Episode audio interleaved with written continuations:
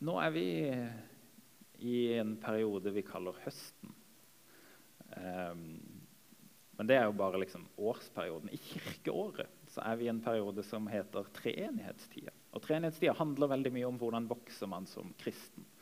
Um, det er jo temaet denne høsten i østsida. Disippelskap. Hvordan lever man som en disippel? Hva betyr det? Disippel? Um, ja, hvordan,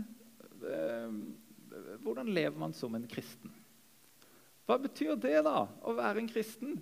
Ja, jeg, ofte tenker man at det handler om tro. Veldig nærliggende å tenke. ikke sant? Når man døper barn, for eksempel, så sier man at dette barnet skal tilhøre Herren og tro på ham. Tro er veldig sentralt. Um, og Det jeg vil si nå i dag, det er at tro er veldig sentralt. Men det kristne livet handler om mer enn tro. Og Hvis vi bare ser på tro, så går vi glipp av noen veldig viktige og spennende deler av kristenlivet. Um, så vi skal snakke litt om tro, og skal vi snakke om andre ting. Først tro. Hva i alle dager er tro? Tro trenger ikke å være helt blind tro. I den ene bibelhistorien med Jairus så sier Jesus at 'frykt ikke, bare tro'. Eh, og så kan man si OK, lett for deg å si. Eh, skal jeg bare, bare tro, da? Eh, men poenget her er at før, før, Jesus gjør dette her miraklet, så har han gjort massevis av alle mira andre mirakler. Så når Jesus først sier at hei, hei, jeg husker hva jeg har gjort før, jeg har gjort massevis av mirakler, nå skal jeg gjøre et mirakel til, så har de god grunn til å tro på ham. Så man kan ha gode grunner for å tro ting. Um, du må gjerne spørre deg sjøl hva tror jeg på? Eh, altså, kanskje du tenker at 'jeg vet ikke helt hva jeg tror på', eller 'jeg vet ikke om jeg tror'. Eh, ikke lur deg sjøl. Alle tror på noe. Spørsmålet er bare hva du tror på. Så hva, hva tror du på? Og Hvis du sier at jeg, 'jeg tror på Gud', ok, fint. Eh, hvor satt er du i den troa? Tror du f.eks. at Gud av og til kan overraske deg? Altså, spesielt denne Jairus-historien er full av små momenter hvor Gud overrasker, hvor Jesus overrasker. Og det å bli overraska, da, da skjer det noe som overgår det du trodde at skulle skje. Eh, altså, du måtte justere litt på det du egentlig trodde. Veldig tidlig i denne Jairus-historien så tror um, Så tror disse menneskene at dette er ikke tida for å forstyrre Jesus. Eh, hva er det de sier? 'Hvorfor bryr du mesteren?' De sier at dette er ikke tida for å forstyrre Jesus. Jesus overrasker det litt og sier at hei, det er alltid tida for å forstyrre Jesus. Eh, kanskje det er noe vi kan ta med oss. Det er, liksom, det er alltid tida for å komme og forstyrre Jesus litt. Jesus lar seg forstyrre. Ehm, så er det jo også selvsagt en veldig stor overraskelse her at Jesus vekker opp Jairus sin datter. Ehm, men tro, altså. Hva tror du på? Ok, men hvor satt er du i den troa? Tror du at Gud av og til kan overraske deg? Um, kanskje vi av og til må justere litt på våre egne gudsbilder og på vår egen tro fordi Gud kommer og overrasker oss. Ehm, så tro er viktig. En annen ting, et annet begrep som jeg tror er viktig, er håp. Hva kan du håpe på? Eller hva kan du tørre å håpe på? Håp er et veldig spennende begrep, for du, du kan godt håpe på ting du ikke er så sikker på. Altså, du trenger ikke være så veldig skråsikker for å klare å håpe på noe. Kan håpe på ganske mye. Um, og håp er også viktig fordi det bestemmer så mye om hva vi gjør med livet vårt.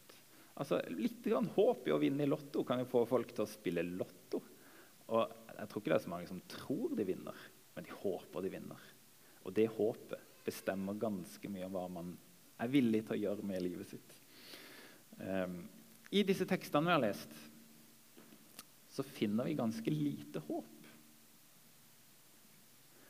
Uh, far til Jairus, for eksempel, han tør ikke håpe. Orker ikke å håpe. Og eh, det kan jeg godt skjønne. Um, Paulus også eh, sliter med å håpe. Han som trekkes mot, liksom, mot alle ting. Um, Paulus har på et vis lyst til å gi opp. Altså, Paulus sier at ah, jeg kjenner meg trukket til begge sider. Jeg lengter etter å bryte opp og være sammen med Kristus. Jeg lengter etter å å dø, på et vis, sier han. Her finner vi en, et slags dødsønske, et slags trang mot døden. Og i en sånn trang mot døden, der er det ikke så mye håp igjen.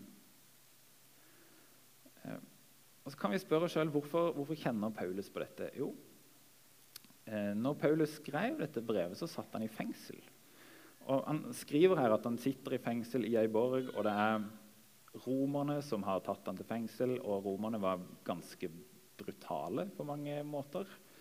Ehm, det var de som korsfesta Jesus. Det er jo en human rettssystem, kan vi sitte og tenke. Romerne var ganske brutale. Og det er lett å tenke seg at Paulus hadde det ikke veldig bra i fengsel. Men den Paulus-teksten der i Filipperne det er ikke en selvmordstekst. Eh, det er en tekst som lander i livet. Det er en tekst som handler om verdien av livet. Eh, for Paulus har et håp, og egentlig har Paulus to håp. Det Paulus håper på, er at når han dør, in the end, så skal han være med Kristus. Og Gud skal gjøre alle ting godt igjen. Det er én ting han håper på.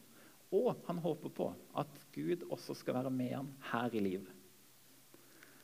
Og også skal gjøre ting bra her i livet.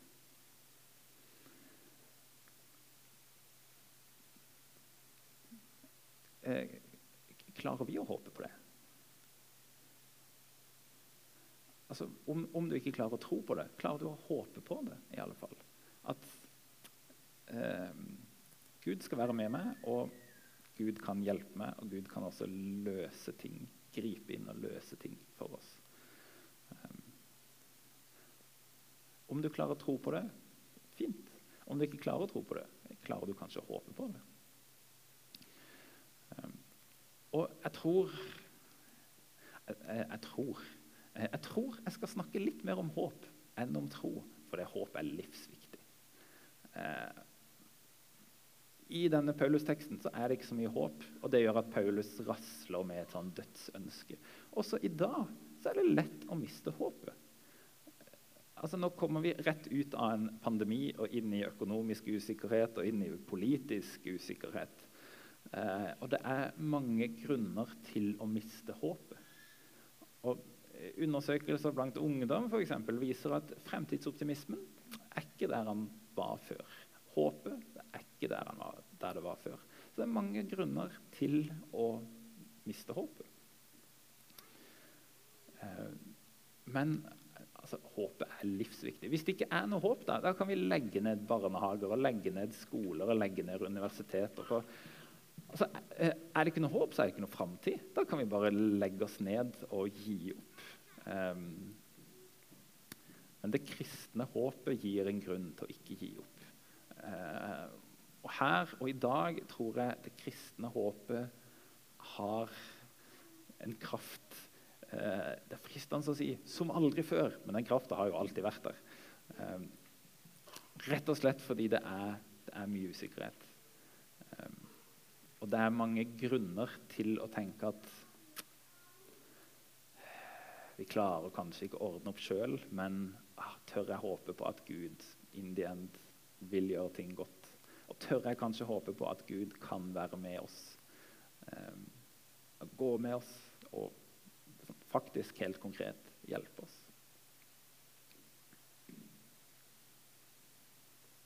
Så tro er viktig i et sånn disippelliv og i et kristent liv. Håp er livsviktig i et kristent liv og i et disippelliv. Um, et tredje og nesten siste begrep som er viktig, er eh, orientering. Hva orienterer du livet ditt rundt? Og man kan orientere livet sitt rundt veldig mange ting. Man kan orientere livet sitt rundt eh, jobb og rundt familie. og Man kan orientere seg rundt en hobby, f.eks. orientering. og Eh, man, man, kan orientere mye av livet sitt rundt penger. Eksempel. ah, man trenger litt penger for å leve. og sånt, så Da må man jo kanskje ha en jobb. og da må man jo kanskje, ikke sant? Så Det du orienterer livet ditt rundt, det blir ganske bestemmende for hva du holder på å gjøre. Hvorfor er det folk flytter? Eksempel? Stort sett pga. jobb. Kanskje pga. familie.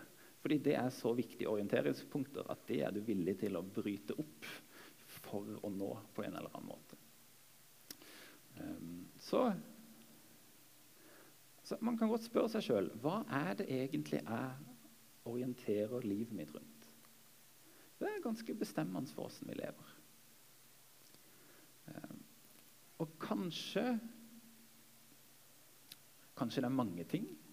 Det er jo selvsagt mange ting vi orienterer livet sitt rundt. Og kanskje de av og til står litt sånn i motsetningsforhold. Kanskje jeg orienterer veldig mye av livet mitt rundt familie, og så orienterer jeg veldig mye av livet mitt rundt jobb. Og så står de i litt sånn konflikt. for Jo mer tid jeg bruker på jobb, jo mindre blir det til det. Men så, så bruker jeg masse tid her, og så blir det ikke så mye tid til det. Ting står litt sånn i motsetningsforhold av og til. Og hvis du lurer på ah, Av alle disse tingene som jeg orienterer livet mitt rundt, hva er det egentlig som er viktig? Um, hvis du vil ha svar på det spørsmålet, hva er det egentlig som er veldig viktig, så kan du kanskje stille deg et nytt spørsmål. Hva er det egentlig jeg lengter etter? Hva er det egentlig jeg lengter etter? Dette siste viktige ordet lengsel. Hva er det du lengter etter? Hmm.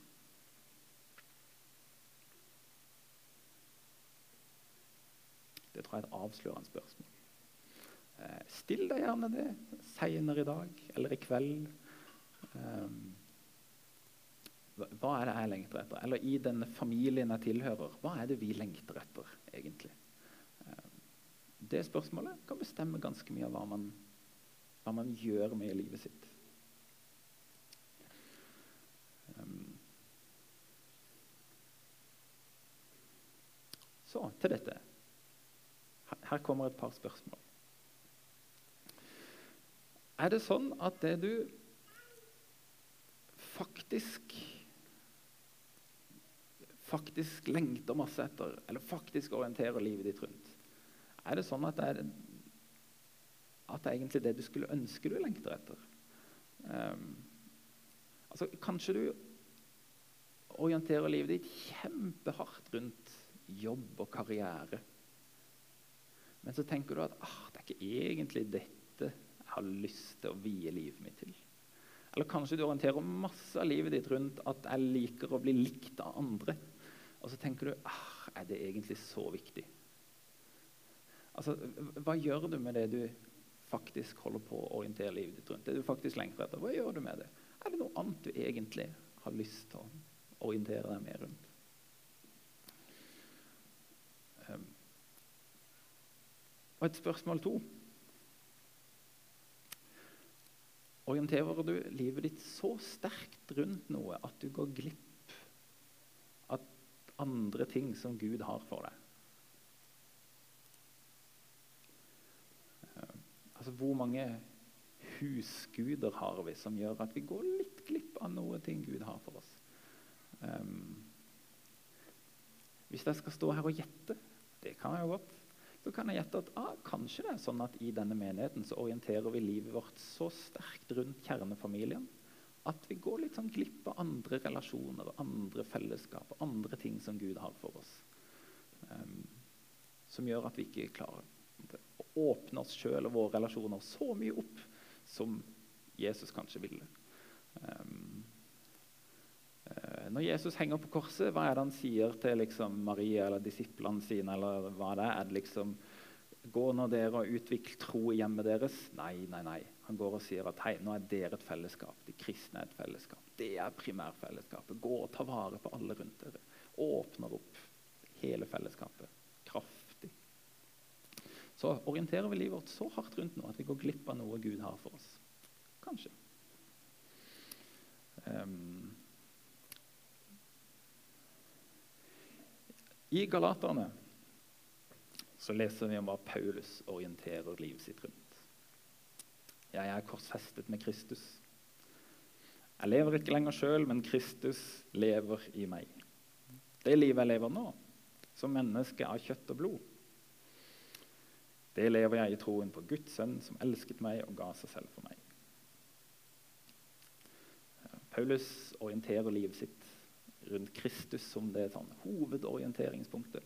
Og Paulus går og lengter etter Kristus, lengter etter mer av det.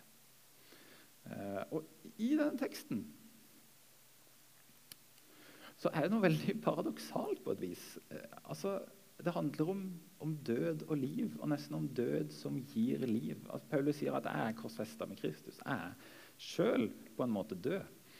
Men Kristus lever i meg, og nå er jeg på en måte en ny person. Og er noe mer og noe annet. Um, Jesus sier noe, noe, lignende i Matteus 10. Der sier Jesus at den som finner sitt liv, skal miste det. Men den som mister sitt liv, han skal finne det. Eh, altså, hvordan kan du finne noe ved å miste det? Og jeg er lei av å miste ting, og da finner jeg det ikke. Og Altså, det er en merkelig, paradoksal greie, men det er ikke så vanskelig.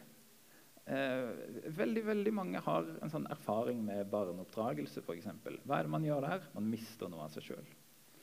Man gir avkall på så mange av mine sånn, umiddelbare behov og planer og ønsker for å gjøre noe annet og ta vare på noen annet, andre. Og når jeg gjør det, så får jeg en helt ny rolle og en helt ny identitet. Og jeg får noe mer. Jeg finner meg sjøl på et vis.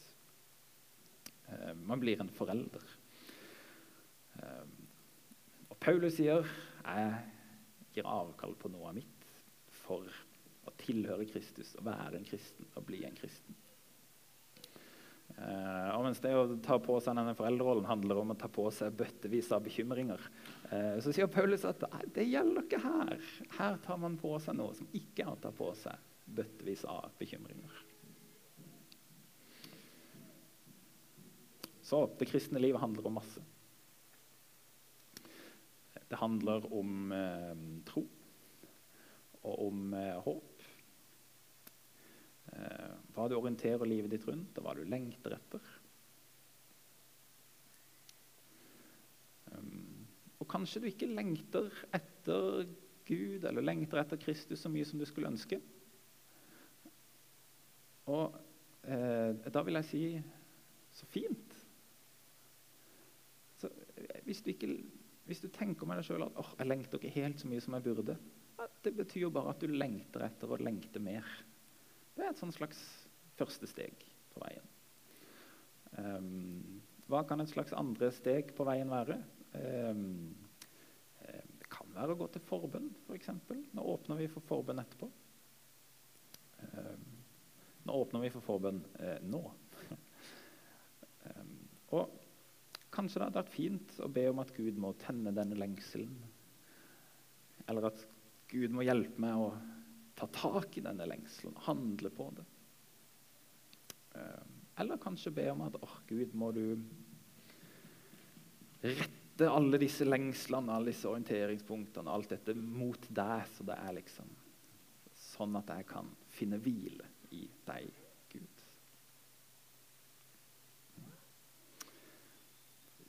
La oss be.